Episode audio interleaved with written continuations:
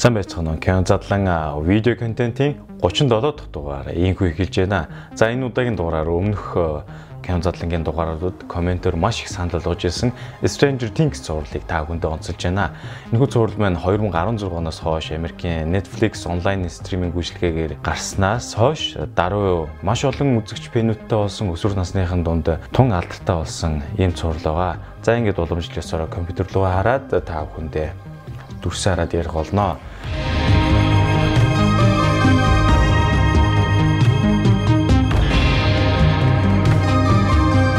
Ер нь бол нэм Америкийн нам гүн жижиг хот суурин тийм ор зурггүй алга болсон хүний араас учир битүүлэг хайх тийм хэргийн мөрдлөг нууцлаг уур амьсгалтай иймэрхүү кино болон телевизэн цувралууд бол зөндөө байдаг. Ялангуяа 1980-ад онд хийгдэж байсан.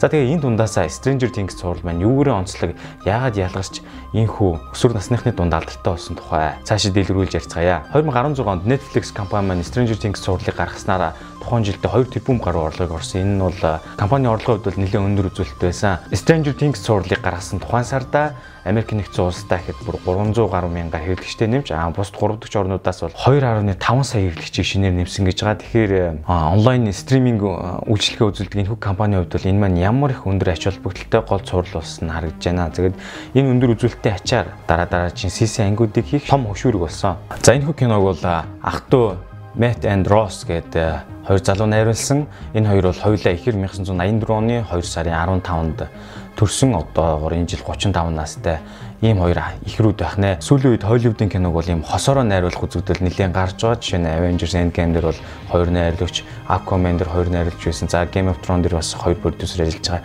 Энэ юу хэлж байгаа нэхэр нэг хүний бодож сэтгэж байгаа тэр их ачааллыг хоёр тарих хувааж авна гэдгээр бол ачааллыг хуваалцаж байгаа. А дээр нь бодож сэтгэх хөгжүүлэх, зохиолын хүчийг найруулгын хувьд бол илүү давуу талтай гэж үздэг юм билээ. За тэд уг киног бүтээх санаагаа ер нь бол тийм Steven Spielberg, за Stephen King, John Carpenter зэрэг зөвлөлт киноны шилдүүдийн бүтээлүүдээс ингээ санаагаа олж ирсэн. Дөрүүдийн хөгжил, үйл явдлын өрнөлөө эцсийн ерөнхийдөө тайл тийм зөвүүн дарк тийм сонирхол татам айзууд хөгжмүүд энэ бүх зүйлийг нийлүүлээд үзэх юм бол уг цуврал маань яалч байхгүй юм өндөр хүлээлтэнд орсон сонирхолтой зурлал болж хувирсан. Уг цувралын турш киноны дуунуудыг Kyle Dixon Майкл Штейн гэдэг энэ хоёр залуу хийсэн байгаа та бүхэн дүрснээс харж байна. Цуврал болгон дээр энд байна маш олон тооны хөгжмийг хийдэг. Та бүхэн тэдний ажлын өрөөг дүрснээс харж байна. За сонирхолтой маш олон кино шүүмжлэгчид болон үзэгчид тэдний энэ хийсэн киноны хөгжим уран бүтээлийг Twin Peaks гэдэг 1980-ад онд гарч ирсэн бас нэг яг Stranger Things-тэй нэлээд төстэй үйл явдалтай кинотой адилтгаж ярьж ирсэн. А дараа нь ингээд YouTube-ээс хөгжмөн сонсоод үзэхэд бол бас төстэй зүйл харагдчихсан. За ингээд Stranger Things киноны ах トゥ зохиолч найруулагч Matt and Ross нар хэлж байсан. Нэг бүлэг нь баг нийтдээ ингээд 8-аас 9 цаг болдгоо. Тэгээд 8-аас 9 цагийн кино зохиол бичнэ гэдэг бол үнэхээр хэцүү зүйл гэж өөрөөсөө ярьж байсан. Ах トゥ хоёр болохоор бид нар одоо хүртэл энэ кино зохиол бичих найруулгатай суралцаар лэн суралцаар байна. Маш их зүйл мэдэх хэрэгтэй байна гэж ярьж байсан. Тийм учраас үнэхээр хичээж энэ хүнхүү цурлуудыг гаргаж байгаа. За Stranger Things цуврал маань өөрөө бол ингээд адал явдал, шинжлэх ухааны, зөгнөлт, аим шиг ингээд маш олон төрлийн тийм жанр төрлүүд хамаархаар байгаа. За та бүхэн дүрснээс харж байна Ghost producer Sean Levy гарч ирж байна. Энэ хүн бол энэ цувралд маш их чухал үүр гүйцэтгэдэг хүн байгаа. Яасан гэхээр нэг цувралд хэдэн анги гарах вэ гэдгийг энэ хүний амнаас гардаг байгаа. Энэ хүн 8 8 гарна гэсэн бол 8 гарна 9 анги гарна гэсэн бол 9 анги гардаг. Ийм хүнэр нөлөөтэй гүйцэтгэх продюсер байна. За магадгүй Stranger Things энэ хүү цувралыг үзээгүй хүн байхыг үсэхгүй. Тийм учраас би үйл явдлыг маш товчхоноор нэг ярьж өгөө.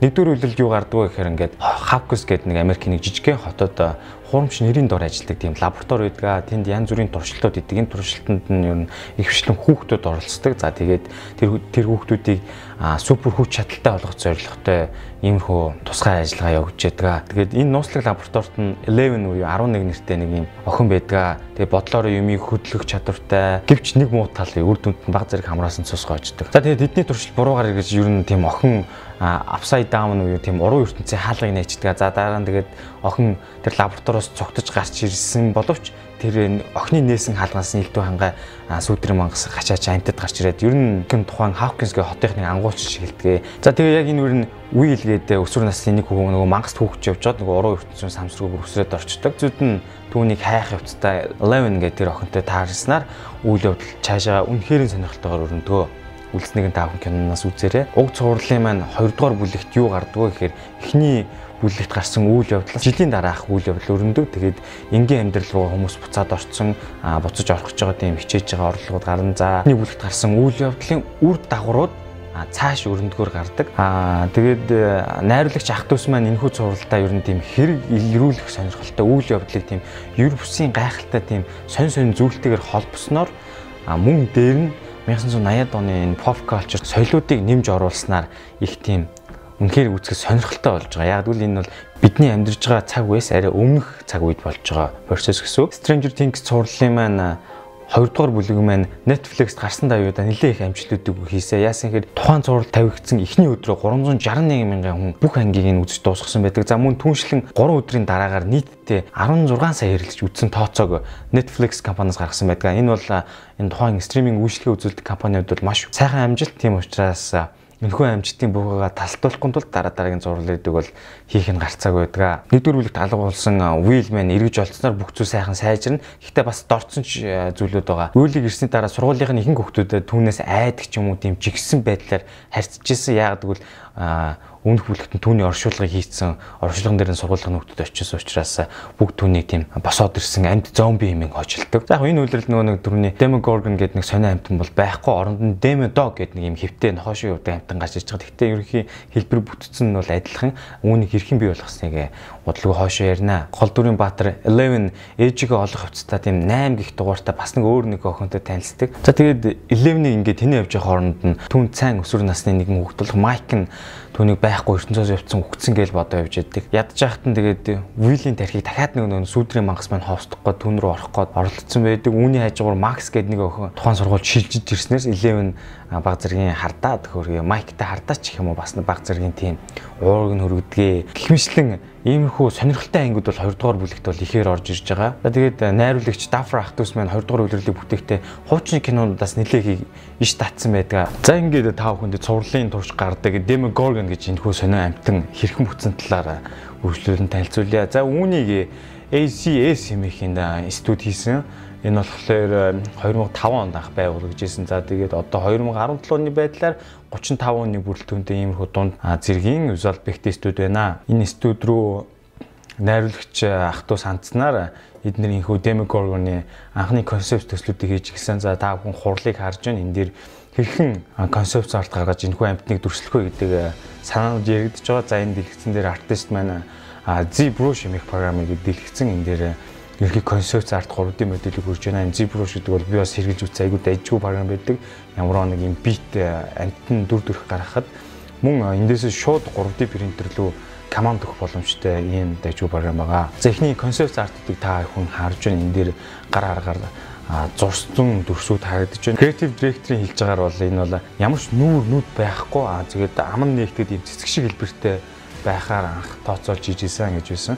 Та бүхэн програм дээр үрж байгаа эсгүүдийг харж байна. Энэ бол эхний концепт арт зургуудаа за мөн 3D болсон хөлбрүүд харагдаж байна. 3D принтерээр хэвлэж гаргаж ирээд Canon найруулагч продюсерүүд харуулж батлуулдаг байгаа. Тэхийн тулд бит болгож гаргадаг. За энэ та бүхэн анзааруул дээр цаана олон төрлийн махчин амттын амны ирүүний хоолойны бүтцийн зүрийг цаанаа тавьсан байгаа харагдаж байна. Үүнээс санаа авч тэр шүдний байрлалуудыг график дизайнууд гаргаж ирсэн байна. Visual effect-үүдийн задаргааг харж байна. Хэрхэн бодит үрсэн дээр залгаж тавьсныг леерүүдээс та бүхэн харж болно. 3 дугаар үйлрлийн талаар ярив. 3 дугаар үйлрэл бол сая энэ оны 7 сар буюу 1 сарын өмнө шахуу Netflix дээр тавигдчих олон хүртэл болсон байгаа. 2 дугаар бүлгийн төгсгөл дээр зэрэгэлдээ ертөнц буюу Upside Down-ийнхаа ертөнцийн тэр амар хэцүү хаалгыг хаагаас өдрийн магсыг аюулгүй болгочлоо гэж боддог. А гэвч тэр нь газар доор нөгөө өрсөнтөө амьд байсаар л байдаг. L буюу 11 үүнийг дарахын тулд хам хүчээ зориулнаа. За ингээд мужийн Hawkins хотод ингээд Тэгээд цэцэрлэг сургууль амлсан 1985 оны 100 ажлын ирж байгаамаа. Кён дээр Индана мужийн Хавкинс хот гэж байгаа л чинь Хавкинс гэж хот угаасаа байдгүй. А яг зураг авалт хийсэн бүх процесс нь бол Жорж мужийн Атланта хотод болсон байгаа. Үүнийг дэлгэрүүлж бас ярина. 1985 оны 100 бол энэхүү Хавкинсын жижиг хот шинэ моол буюу худалдааны төв нэгцэн. Тэгээд сүдрийн мангас маань ер нь үхээгүй тэрч би бол хувьсаад улам хүчтэй болцсон байдаг. 3 дугаар бүлэг маань маш адлын явдалтайгаар өрнөдгөө. Ялангуяа 3 дугаар бүлгийн хамгийн сүүлийн анги буюу Battle of the Starcraft гэдэг энэ бол үнэхээр супер байсан. Ерөнхийдөө дөрүүд маань танил хэврээ байгаа ч гэсэн ер нь маш их олон зүйлүүд өөрчлөгдсөн. Цоо шин хим аяг мэдрэгцэн гэхэд бол яг л нөгөө жижигхэн байсан хүмүүс чинь том болоод өсөөд өсөөд нүдэн дээр ингэж боожж байгааг та бүхэн харна. Тэдгэрийг бол нэг жоохон хүүхдэн байдлаар төсөөлдөг тийм байдлаар л анзаарсаар явсан гэсэн чинь тэд нар том болохын ирээр ингээд мерсэр тийм хайр сэтгэлийн адармаатай зүйл гарч ирсэн. Энэхүү цувралыг бас тийм баяжуулж өгч байгаа юм. А үндсэн киноны агуулга бол мэдээж хэврээ явж байгаа. За ингээд Вилли, Жойс маань хийдэг юм хийн, Хоппер маань мөрдлөгөө хийж мөрдөжлөө хүүхдүүд очрыг нь бол чамдтаа зогсоод энэхүү ерөнхий хэв маяг маань бол ерөнхийдөө алдагдаагүй хэврээ явж байгаа. Ингээд Stranger Things сурлыг маань хийхэд бол гол дүрийн сонгон шалралтанд бол 906 эрэгтэй хүүхэд 307 охин оролцсон. Та хүн дүрснээс casting director Carmen Coop-ийг харж байна. Энэ хүн бол маш гол үүрэг гүйцэтгэж байгаа. За найруулагчид casting director бол зохиолын дагуу ийм юм хүмүүс хэрэгтэй нэг захиална. Тэр хүн бол орон даяар сонгон шалралтыг зарлаж яг тухайн дүрд яг хамгийн сайн тохирох хүн хинбэ гэдгийг хайж ирэлгэж явдаг. Мэдээж эрийг тухайн жүжигчдийн урд өмнө ямар кинонд тоглож исэн тэдний карьеруудыг судлахын сацуу нэг үрчлэн дүрс бичлэг хийж аудишнд оролдог. Сонгон шалралтын үеэр хүүхдүүдийг Stand by me гэх зохиолын хэсгээс тоглуулсан та хүн дүрснээс харж байна. Энэ хүн сонгон шалралт дуусаад кинонд тэнцэн хүмүүсийг хоорондоо дотн найзууд болохыг зөвлөсөн тул эдгээр киноны гол дүрийнхэн маань баггүй хугацаанд чөлөө цагийг хамтдаа өнгөрөөж цогтаа аваар амьдэрсэн хэд болно. Левний дүрийг бүтээсэн 11 настай Millie Bobby Brown бол кинонд тоглохын тулд үсээ хосуулах хэрэгтэй байсныг ерөөсөө мдээгүй байсан гэж байгаа. Тэд нэлээд нэлээд дургу үсээ хосуулсан. За тэгээ киноны найруулагч яаж түүнийг синхруулсан бэ гэхээр кино задлангийн өмнөх дугаараар орж ирсэн Mad Max кинон дээр Charles Theron жүжигчний тухайн дүрсүүдийг түүнд харуулж ирсэн. За тэгээд үүнтэй өөрийг нь жишгийг э, санал болгосноор L буюу Eleven-ийн дүр тоглох жүжигч маань нэг үсээ хосуулсан байгаа. Кино задлангийн өмнөх дугааруудыг та бүхэн үзэх юм бол Mad Max киноны талаар жүжигчний Charles Theron-ы талаар та бүхэн харнаа. Will-ийн ээж буюу жүжигчин Winona Raider бол ингээд 1980-ад оны нөгөө нэг Silkwood гэдэг кино гарч ирсэн. Яг энэ кино шиг үсээ засварлахыг хүссэн. А түүний үслэр а яг ийм үстэйгээр киноно тоглосон. Eleven-ийг ийм жижиг усан санд хөвтүүлээд э, усанд хөвөлдөг хэсгийг санаж байгаа. Энэ хэсгийг хийхийн тулд кино production баг маань 544 кг давсыг хэрэгэлсэн байгаа. Jimmy Fallon-ы хөтэлдэг шоуг мэдж байгаа. А энэ шоуны үеэр бол гол дүрийн жүжигчин Millie Bobby Brown маань оролцсон. Тэгээд э, тэр юу гэж ярьсан бэ гэхээр зураг авалтын үеэр болсон үнсэлт нь яг түүний хамгийн анхны үнсэлт байсан гэж ярьж байсан. Тэгээд ер нь бол үнсэлт бол нэг тийм өөрт нь таалагддаг юм шиг байгаа нэг онц биш жоо муухай байсан гэж ярьж байсан. Тэгээд түүний хамтрагч кинонд тоглож байгаа Майкийн дүр тоглодог жүжигчин Finn Wolford э, бол э, маш олон тооны тик так бох ингэж ажилласан байгаа. Тэгээ тэр нь ч гэсэн нэмэр болоогүй өмсөлт нэг таалагдаагүй ярьжсэн. Та хүндэт дүсийг харж байна. Киноны цувралын гол дүр үе Левний дүр тоглодог Millie Bobby Brown сэтгүүлд нэг өгсөн ярилцлаганда ингэж хэлсэн байдаг. Аа Stranger Things цуврал тоглох санал түнд ирэхээс өмнө тэр бол ингээд өөрийнхөө жүжигчний карьерийг дуусгах гэж бодож исэн байлээ. Тэрээр бол нэлээд хэд хэдэн кинонд тоглосон а миний мэдхийн Godzilla кинонд тоглосон мөн 2020 онд гарах дараагийн ангид нүртэл тоглож байгаа. Өөр тийм телевизийн цувралууд бол хитэд тоглосон ийм залуухан жүжигчин байна. 2004 онд төрсэн гэдэг чинь энэ жил дөнгөж 15 настай юм Британи гаралтай жүжигчин байгаа. Ямар ч ч ихсэн карьераа дуусгаагүй Stranger Things тоглосноор хамгийн зөв шийдвэр болсонтой бол хүн болгон санал нийлж байгаа. Millie Bobby Brown маань одоо ингээд маш залуу жүжигчин хэдий ч гэсэн аль хэдийн тийм Ralph Simmons, Lloyd Witten тэгээд нэлээд хэдэн бэрэнттэй хамтраа томоохон томоох сэтгүүлийн нүүрэн зураг авахгүй болсон хэд хэдэн телевизэн шоунд тоглолцсон. Үнэхээр тийм celebrity алдар нэр хүндтэй болсон. Eleven-ийн дүр тоглохдоо уг жүжигчин маань өсөө хосуулах ёстойгоо мэдээгүй байсан гэж ярьжсэн төрүүдээр яг үнтэй адилхан эцэг эцэг хин ч гэсэн яг энэ үсээ осуулахад нэг дургу хандсан гэж байгаа. Ер нь дэми юм шүү миний охин яагаад үсээ осуулах гээд байгаа юм бэ гэж тэгсэн чинь эцэг эцэст нь эцэг эцэст нь Бобби Браун жүжигч юм. Өө тэгээ яг ингээл хусчи кино тоглохоос хойш тэгэл дахиад урах чинь гэл аюу хөнгөнөр хүлээж авсан байгаа. Ийм хүү зүйлийг ярьжсэн байгаа. Мэдээж үүнийг тийг синхруулахт хоёр найруулагч бол нэлээд сайн шүрвтэж өгсөн байгаа нь ойлгомжтой. Киноны зураг авалтын хуваар бол нэлээд шахуу байсан. Тэгээ үүнээс болоод сургууль явах ямар ч боломжгүй байсан. Тийм учраас 10 жилийн боловсролын тэрхүү хичээлүүдээ бүгдийг нь гэрээрээ хуваараа гэрийн багшаар үтсэн гэж байгаа. Willie Age жүжигчин Winona Ryder тоглодог ба тэр бол бас нэлээд алдартай жүжигчин гол дүрийн баатар Eleven буюу жүжигчин Miley Bobby Brown-ы шүтэн байсан гэж байгаа. Тэгээд Азар энэ хоёр маань нэг цуврал тоглож өөрийнхөө шүтэнтэйгээ ойроос харилцах боломж бүрдэжээ Eleven-д байна. Eleven-д тоглож байгаа жүжигчин та сайн анзаарах юм бол аялга нэг тийм British accent-ээр яриад байгаа А тэгвэл үүнийгээ засгаж бол нэлээд их хичээл сургалт хийж маш олон кинонуудыг үзсэн гэж хэлээ. Тэгээд зарим тийм Америк киноны аялгуудыг өөрийн болгож авсан. За ингээд үргэлжлүүлэн кинон дээр Элевний хамтран тоглогч болж гардаг Майк буюу жүжигчин Фин Волфордын талаар та бүхэндээ сонирхолж ярья. Яг түүний нэр нь бол герман хэлнээс бол чонын эв зэрэг гэсэн тийм утгатай нэр юм билээ. Өөрөө бол ягч герман хүн биш жоохон нэг тийм Франц тал руугаа дамгаалсан еврей цустай тиймэрхүү хүн гэж ярьжсэн. Тэгээд олон үндэстнүүдийн цус солилцоон юм сонио хүн шүү дээ бигээд өөрийгөө хэлдэм билээ. Тэрээр бол жүжиглэх тун дуртай. Тэгсэн мөртлөө киноны дээр ард болж байгаа процесс буюу киноны зохиолыг бичих, найруулах зүйлд маш ихээр дуртай байдаг. 2002 онд төрсэн энэ жил 16 настай Канада англи гаралтай иймэрхүү жүжигчээ. Тэгээ 100 цувралын Jordan дүрээр анх карьераа эхэлж дэлгэснээр гарч исэн дараа нь Supernatural зарим ангиуд тоглож исэн. Ер нь бол өмнө хэд хэдэн кино тоглоод үзсэн нэлээд авиаслаг хүү байгаа. Тэрээр гэртээ өвдсөн хэвдэж байх үедээ киноны сонгон шалралтад орсон байгаа. Яг ингээд өнгөц харагдахнаа бол ингээд сошиал дээр маш олон хүн дагдаг алдартай ийм жүжигчин байсан байгаа. А гэхдээ тэрээр ярихдаа бол сургуульд явж байхад түнд нэг найзууд байгаагүй ихэнх цагийг өөрийнх нь нохоотойгоо хамт гэртээ тоглож өнгөрүүлдэг байсан талаар дурдж байсан. Stranger Things-ийн 3 дугаар бүлэг дээр мэн бас нэгэн шин дүр орж ирснийг та бүхэн мэдж байгаа. Энэ бол жүжигчин Ума Турмны охин хүн Maya Turman Hawk орж ирсэн байгаа. Энэ дугаарыг өмнөх дугаар дээр Kill Bill кинон дээр жүжигчин Ума Турман а жимэрсэн байсан төрсөн гэх энэ талаар ярьжсэн. За тэгээд тухайн цаг үед нь ээж нь найруулагч Кевин Тарантинотой кино хийж байх Энэ үед энэхүү охин төржээ. Хавкин хотод энэхүү охин минь нүүж ирснээр кинонд оролцоо минь бий болдгоо. За тэгээд энэ Ума төрмөний охин хувьд бол өмнө BBC сувгийн Little Woman гэдэг мини зураг тоглож байсан. Тэрний дараах хоёр дахь кино энэ Stranger Things маань болж хувирсан. За үүнээс гадна тэрээр бас Calvin Klein гэдэг юм хувцсны брэндтэй хамтарч ажиллаад хэд зураг авах болсон. Өсч байгаа томоохон од байгаамаа. За ингээ үргэлжлээд киноны жүжигчдийн цалингийн талаар та бүхэн сонирхуулъя.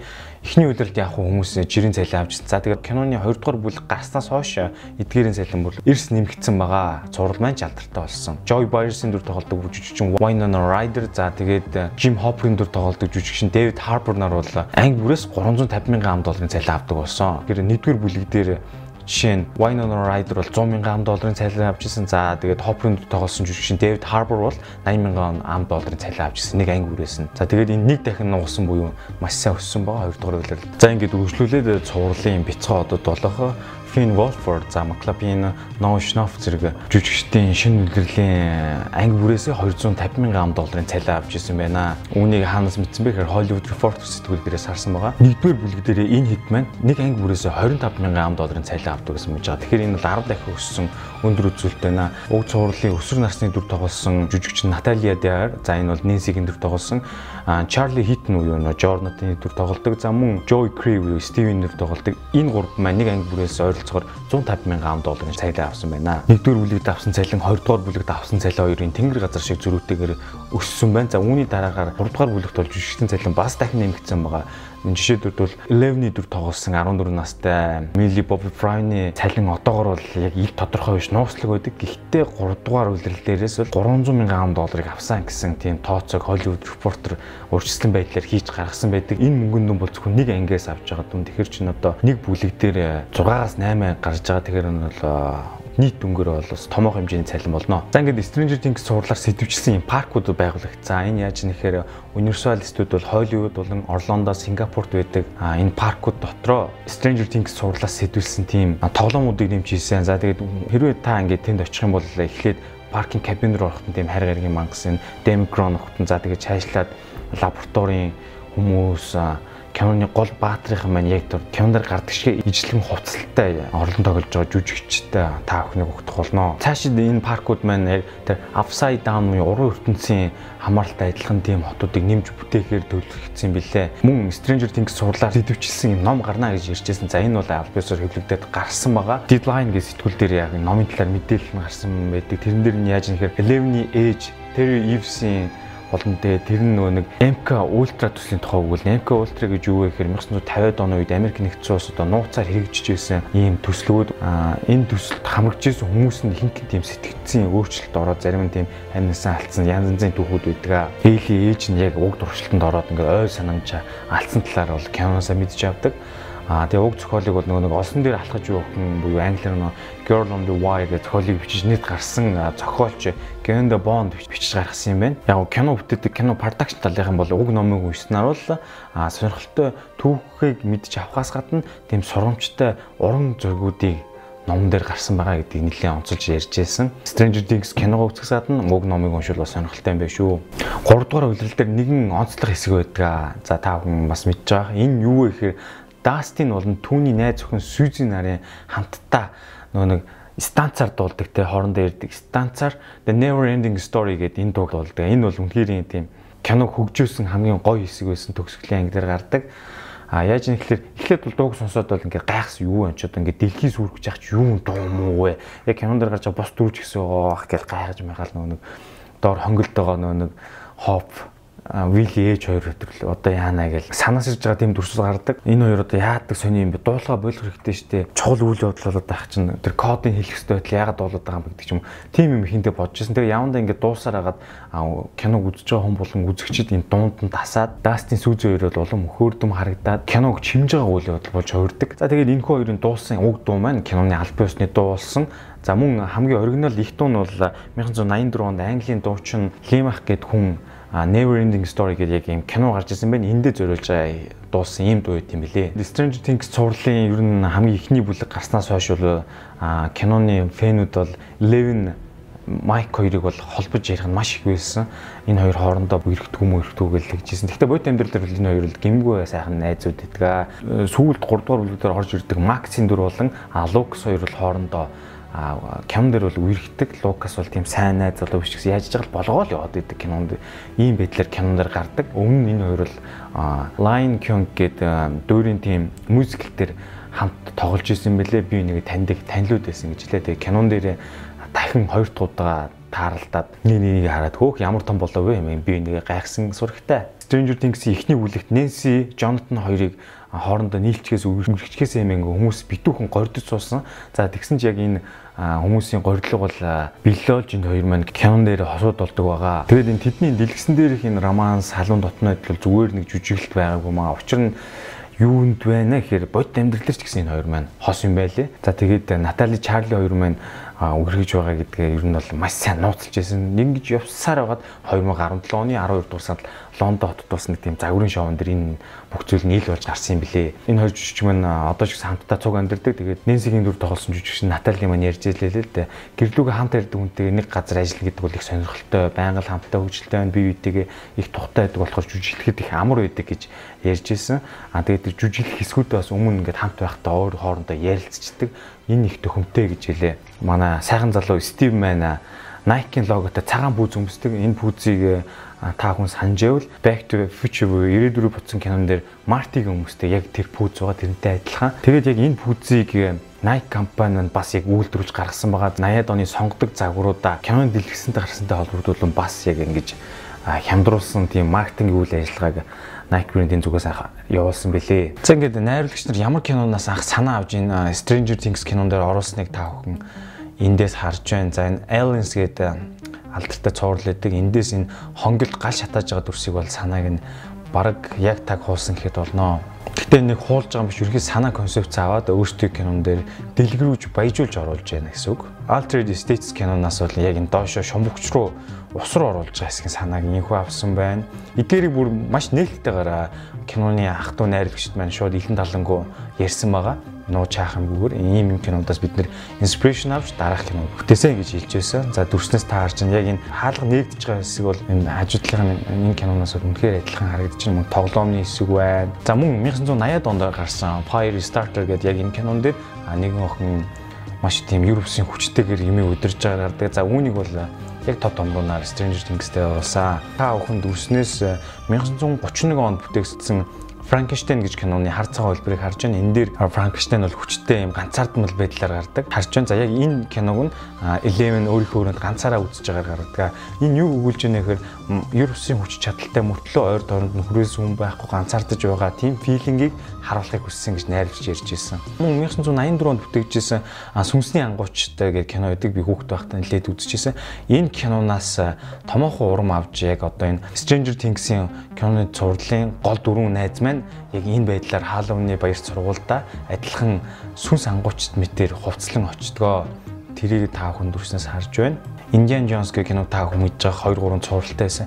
Энэ киноны зарим ангиудаас яг энэ Hobbes-ийн буудаж байгаа хэсгийг бол санаа авсан гэж ярьж ирсэн. За мөн Indiana Jones-ийн зарим ангиуд дээр та бүхэн цахилгаан аянга хүмүүсийг сүлбэн гарч байгааг харж байгаа. Энэ хэсэг бол яг адилхан байнамаа. 1960 онд гарч ирсэн Спилбергийн найруулсан Jaws киноны тхийн шифийн машин төр бол одоогийн Stranger Things-ийн Hobbs-ийн машинтай бол тун адилхан зарим сценүүд нь төстэй байгааг та бүхэн харж байна. Сургуулийн үдшилтний хэсэг ийн гарсан байна. За Jurassic Park дээр бол яалч яахгүй адилхан эсүүд байгаа маа. Энэ том динозавраас цугтааж байгаа хэсэг. За тэгээ самсруу явж хаад юм ундагчдаг. Тэр чимээнээр нь араас нь ингээд араатан гитж байгаа энэ хэсэг бол Stranger Things дээр бол болон тойрж байгаа палан антер бол нэлээд адилхан байгаа. За мэдээж хэрэг Stand By Me бол нэлээд хамгийн ойролцоод өгж очиж байгаа зохиол энэ дөрвөн найз ингэж адал явдлыг нь зугаалдаг. Мөн яг энэ цувралтай маань яг адилхан 80-ад оны өгүүлдэг Супер 8 гэдэг кино байдаг. Энэ киноны автобусны доторх хэсэг бол бараг тэр чигтээ нэлээд төстэй байгаамаа. За тэр Оросын тусгай ажилтан энэ бол яг алхаа гიშгэн энэ төр бол яг Терминатор кинонаас санаа авсан гэж ярьж байсан. Witness киноны энэ хүүгийн энэ төрх Stranger Things-ийн scene сцентэй тун адилхан харагдаж байгаамаа. За ингээ үргэлжлүүлээд та бүхэнд бас нэг зарим визуал эффектийн хэсгүүдээс харъя. За ингээ дүрснээс та бүхэн Дастин болон Стив Харрингтон хоёр лифтэнд гатсан байгаа үеийн визуал эффектийг харж байгаа нь бол зүгээр студид студид тавцсан дээр зогсож дүрсийг аваад үлдсэн хэсгүүдийн 3D-гэр ийм лифтний гүн хонглыг хийснээр дараах дурс гарсан байх нэ. За ингээд Dust-ыг инхүү цинкерфон дээр цоолж авсан байна. Цаана 3D-гэр объектуудыг залгажээ. Dust-ийн өөрийн бүүцэж өсгсөн Demo Dog-тойгоо харилцаж байгаа хэсэг гарч байна. Үндэ бол энд нь 3D-гэр Demo Dog-ыг орлуулсан. Хүний гараар ийм баг байрлуулад тэрлүүн жүжигч маань харж үжиглэж байгаа. Үүнийг нь visual effect-ийн зургаар тайлбарлаж байна. За мөн дараагийн дүрсэн дээрээс бол Eleven энэ upside down уруу ертөнцийн хаалгыг хааж байгаа хэсгийг та бүхэн харж байна. Энийг хийхэд бол зүгээр юм хоосон тавцсан дотор э, Hopper 11 хоёрыг суулгаад цаатлаар нь цэнхэр бон тавьсан байгаа. Цэнхэр бон тавьсыг энэ дөрвөлжлөж ингэж зурж үзүүлсэн байна. Гэхдээ цэнхэр бон маань яагаад дундуураа юм зураастай тавьсныг та бүхэн анзарж авах цул тавиагүй. Яг бол энэ зураас нь дундуур нь яг тэр шаргал гэрэл тусгаснаар цаатлын тэр хаалганы гэрэлтүүлгийг хүний нүүрэн дээр тухайн орчинд нь тусахтай адилхан болохын тулд ингэж оруулдаг байна. Нуус лаборатори доторх хаалганы эсүүдийг ногоон буун дээр ингэж оруулаад энэ хаалганы нэлцгаа энэ биеттэй эсүүдийг мэдээж хэрэг компьютер графикаар хийсэн байна. Вилийн гэрийн өвлөө цастайгаа эсгийг компьютер графикаар дээрээ давхруулж Нэнсигийн дотны анд найз хорлогдсон байгаа эсгийг инхүү авжээ. Деми Горгоныг бол ингэж силиконы материалаар хувц суулгаж хийгээд дотор нь хүн ороод яг энэ зарим зураг автан дээр орлож үжигсэн байгаа та бүхэн анзаарвал тэр хүний гарны хэсэг байна. Үүнийг бол Марк Стегер гэж энэ хүн оронд нь өмсөж тоглосон байх нэ. Дэлгэгдэж байгаа амныхын оронд хүний нүүр харагдаж байна. За түүнийг компьютер графикаар алга болгосноор жинхэнэ Demogorgon ингэж гарч ирсэн байна. Ингээд Hopper Joyce хоёр уруу ертөнцид дотор ороод хүүгээ хайн явж байгаа дүрсүүдийг зүгээр дангаар нь аваад тэр орчныхын тэр зунгаарлцсан хар юмсуудыг компьютер графикаар ийм хөө нэмжээ. Вил ингээ гинтгэн цочхот нь upside down руу орсон байгаас энэхүү зураглалыг компьютер графикаар энэ жирийн дүрсэн дээр ийм нэмжээ. Орсидны нууц агавлагт явж байгаа дүрс бол камер бол маш их дуусахгүй хонглоор явж байгаа юм шиг сэтгэл төрүүлдэг. Өндөө бол нэг скан газрыг студид павильон болгож засаад үлцэн хэсэг дээр ногоон бон тавиад түүрийг маш урт хонгол болгож харагдуулсан байна. Тэр дүрсийг харж байна. Бодолтааны төв дотор Оросын дөрвөн хамгаалтын ажилтнаг ээл машин хүчтэй төлөвснөр унгаадаг.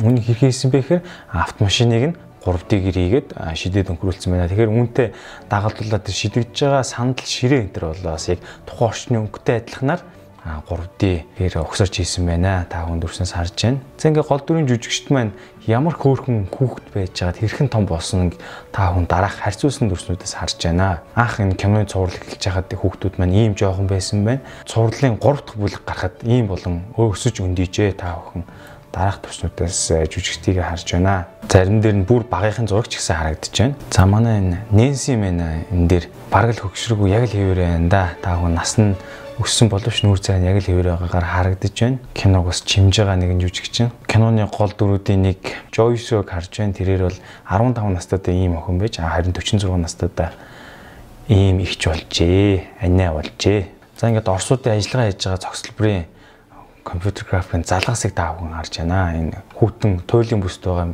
зүйлийг ийхүү залгаж хийж сүүдрийн мангас залгиулж байгаа хүмүүсийн төрсүүдийг та бүхэн өмнө нь ямар байсан одоо ямар байгааг харж байна. Улаан хувцастай хүн бол сүүдрийн мангасыг төлөөлж ин заалан зогсож байна. Тэр өмсөн никел малгай бол тухайн орчны компьютер графикийн хэлээр бол одоо environment layer гэж ярьдаг. Үүнийг түүж авахын тулд ийм мүлгэр малгай өмсдөг. Тэгээд үүнийг нь буцааж тухайн орчны гэрэл сүдэр дүрсийг тухайн бит дээрээ яг ойлгоход ийм мөнгөлөг зүйлсүүдийг ашиглаж идэг байгаа. За 11 бол сүдрийн мангасын хэсгүүд ингэж цохиж шидэж байгаагаар хий дүрсэлж жүжиглэн үлдсэнийг компьютер графикаар орлуулж хийсэн байна. Дараах ялгаанаас харж байна. Ширээний булан өнцгийг тойрож байгаа үзэгдлүүд хэрхэн авсан байг харуулж исэн. За энэ дээр бол сүдрийн мангасын тэмтрүүл ингэж явж байгааг харж байна. Джонтон ингээд сүдрийн мангаст автсан сонины газар эрхлэгчийнхээ толгоор вараар цогцох байсыг та бүхэн харж байна. Энэ бол жинхэнэ вар биш юм sugar glass гэдэг энэ киногонд хүнийг цогсонд гэмтээхгүй амархан эмтэрдэг тийм эргүү шилнээс зөөлгөн тийм материалдаг үүнийг кинонд орлуулан ашигладаг. Гэхдээ энэ дүрснээс та бүхэн ажиглал самсруу тэр чихрүү нэлийн хэцүү зогсон гэж дараа нь чихэн жоохон өвдсөн тухай ярьж байсан. За тэгээ Нэнси Джонатан хоёр маань шатаар гүйлдэж байгаа дүрсийг та бүхэн харж байна. Үүнийг бол бараг 15 удаа дахин дахин авсан гэж байгаа. Ягаад гэвэл камерынхаа байршлыг өөр өөр өнцгөөс сольж авч байгаа учраас нэлээд олон дахин шатаар гүйлгсэн гэж хэлээ. Энэ хэд бол нэлээд ядарсан. За эмнэлгийн коридороос сухтж байгаа Нэнси Джонатан хоёрын дүрсийг та бүхэн харж байна. Үүнийг бол стедик камер бичсэн гэж байгаа. Стедик камер бол зурглаач видео өгдөг тийм бит дүрсийг хөлөнгө авдаг докторжуулагчийг хэлдэг оноос нэр байгаа. Тэгэд энэ хаалгыг зогч байгаа шил жинхэнэ шил биш түрүүний вартай адилхан ийм sugar glass гэдэг хялбархан энтердэг материалыг орлуулж хийсэн байдаг бахан. Энэ дөрвөн жаал маань Оросын лабораторид нь яаж хийж байгаа нэвтрээд ороод ирдэг. Яг тэр үед нь тэр үед Мая охин яг орсоор ярьдаг хэсэг гардаг. Гэхдээ орсоор тийм сайн ярьдаг учраас нөгөө төлөө орс нь ойлгохгүй байгаагаар энэ юм дээр дүрслэгдэж байна. Production багийнхны хэлснээр бол яг энэ дүрснээр гарч байгаа энэ хүн бол яг жинхэнэ орс хүн энэ кинонд тавсан гэж хэлээ. А Оросын циркийн жүжигчин хүн Америкт ажиж төрдөг. Оросын лабораторид нууц лабораторид нэвтэрсэн дөрвөн хүүхэд маань гайхан цонхоор ширтэж байгаа хаалганы завсраа ширтэж байгаа дүрсийг харагч байна. Энэ бол тухайн орчин дотор нэм дрон эсгэж авсан гэж тайлбарлаж байсан. Энэ доорн заасан энэ дөрвөлшин энэ шат болон төмөр хийцүүдийг бол яг бодит дээр хийсэн зураг алтан талбай дээр.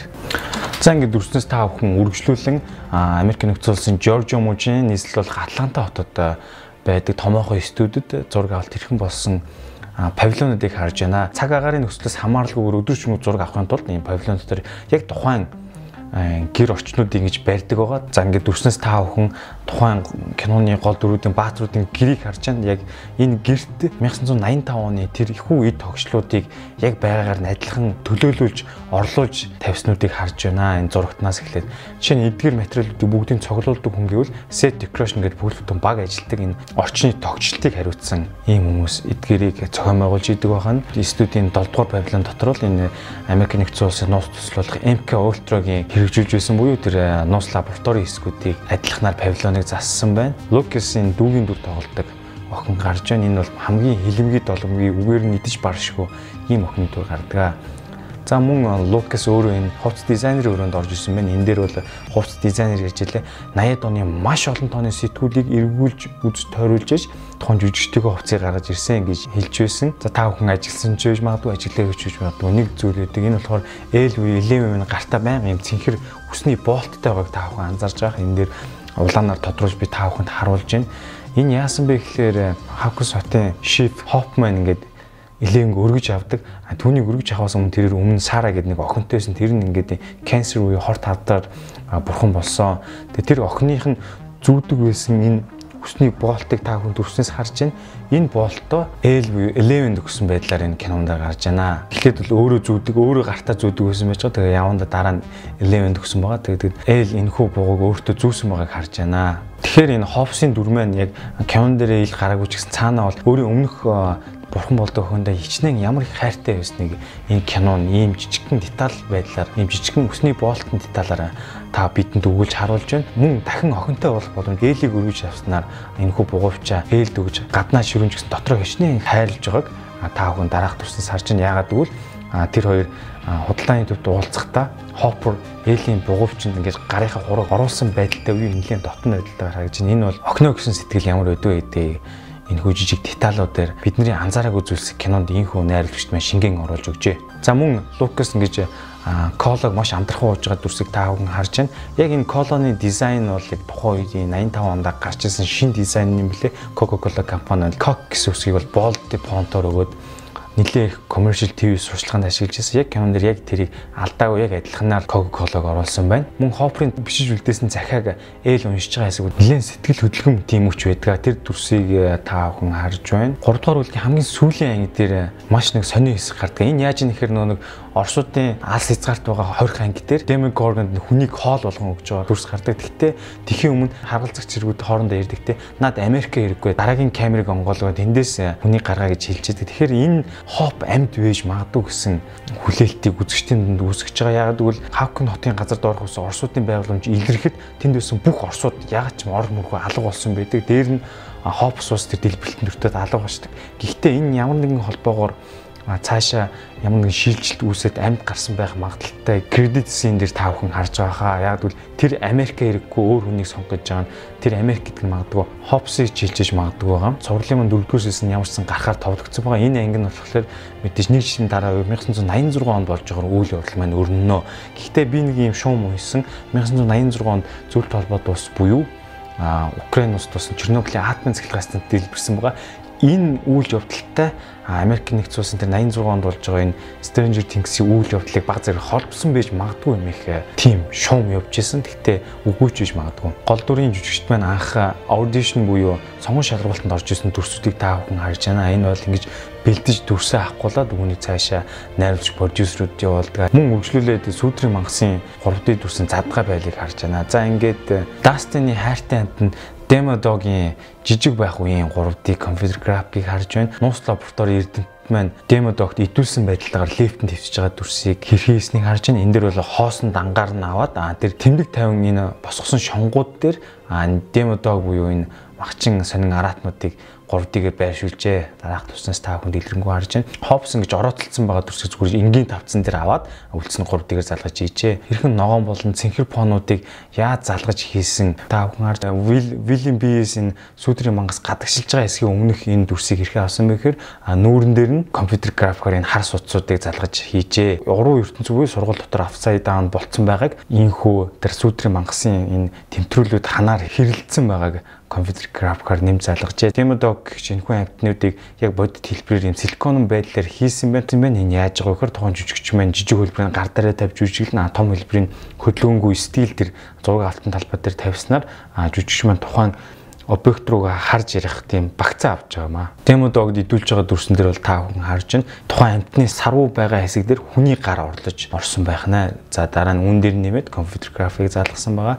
Хоёрдугаар бүлгийн төгсгөл хэсэг дээр гардаг энэ Хавкинсийн дунд сургуулийн хажууд тийшээ 90 градус хазаагаад апсайдаа дараагийн ертөнц рүү шилжиж байгаагаар инх өдөрс гардаг. Үүнийг хэрхий хийсэн бэ гэхээр камерыг 90 градусын хэмжээтэй налуулж газар унгаж аваад яг тэр газараасаа дахиад эсрэг 90 градус босгож ирж дүрсийг авсан байна. Та бүхэн камер төлөвлөлтийг энэ хүү планаас харж байна. За тэгээд уг зурлын киноны нэлийн гол хүмүүсийн нэг бол ерөнхий зурлаачийг та бүхэн харж байна. Энэ хүн бол яг энэ Stranger Things киноны зураг авалтан зориулж маш олон 80-ад оны кинонуудын дүрсүүдийг олон цагаар сууж судалсан талаар дурдчихсан. За тэгээд төсвөлд нь Stranger Things гэж энэхүү киноноос бид бүхэн юу ойлгож болох вэ гэдгийг нэг базаад ярив. Жишээ нь бол найзуудтайгаа бол үргэлж байнгын холбоотой бай гэдгийг энэ киноноос ойлгосон. Найзууд яг гэвэл нэг нэгэндээ худлаа хийдүү. Найзуудаас нэг нэгэндээ байнгын тусалж идэг. Найзуудынхаа итгэлийг бүү алдараа тэд бол яг чиний ойр тойронд байх ганц л хүмүүс эдгээр зүйлүүдийг та бүхэн киноны 1-р бүлгээс бол э, тод томроо олж харнаа. Кинонд гаргадаг сайхан залуу стивийг хараад бас нэг зүйл бодогдсон л тэр нь яадаг вэ гэхээр үргэлж ингээд дог кул байх гэсэн хэрэггүй. А бодит үйлдэл дээр тийм лаг харагдаж байгаа бол цаанаа бол тийм нэр төрөө ботсон өөрийгөө хичээсэн тийм их арчааг амьд байдаг. Хайч бол ингээд бусдад анхаарал тавьж хүн төлөө санаа зовж явах юм бол Нэнси шиг сайхан гоё найз охинтой болно гэдгийг та бүхэн ер нь бол киноны 20 дугаар бүлгээс олж харж болно. А гэхдээ киноны дараа дараагийн бүлгүүдэд бол Steam-ийн засарсан байгаа маш сайн өмгдсөн байгаа. А мэдээж эрийг хүүхдүүдтэй нийлдэг болсон байгаа, тэдэнтэй хамтарч ажилладаг болсон байгаа, өөрийнхөө чин сэтгэлээсээ тусалдаг болсон байгаа. А тэгээ юугаар юуг харуулж байгаа нэг бол муу ч гэсэн сайхан засарч болд юм а гэдгийг энэ Стивен Дүрмэн айгүй гоо тод томроо харуулж байгаа. А энэ кинон дээрээс юу хамгийн анхаарал татсан бэ гэвэл гэр бүл гэж байгаа. Гэр бүл их бол их нандин хүмүүст их чухал байдаг. Киноны 3 дугаар бүлэг дээр бол Максин гэр бүл бол нэг тийм хүүтэн хөндөй гэр бүлүүдийн харагддаг. Үүнээс болж гэр бүлээсээ бити дүүлж цухтаа тэд бол яг өнгөцгөн нүүрэн дээр ууртай харагдаж байж магадгүй. Гэхдээ бол тийм биш юм аа. Тэдэнтэй нүүрт бол тэдэнтэй ярилц илүү ойрт гэдгийг энэхүү 3 дугаар бүлгээс та бүхэн анзаарч харнаа. За тэгээд киног ерөнхийд нь ганц чимж байгаа зүйл бол найзуудтайгаа үргэлж ойр бай. Өөрийн бест гэсэн тэр найзуудтайгаа та бүхэн ойр байгаарай мөн байнгын холбоо ярьж байгаарай мөн тэдэндээ байнга тусалж байгаарай эдгэр зүйлүүдийг та бүхэн Stranger Things киноноос олж харах болно. За ингээд э, кино задлан видео блогийн 37 дахь дугаар инх өндөрлж байна. Дараагийн дугаар хүртэл түр баяртай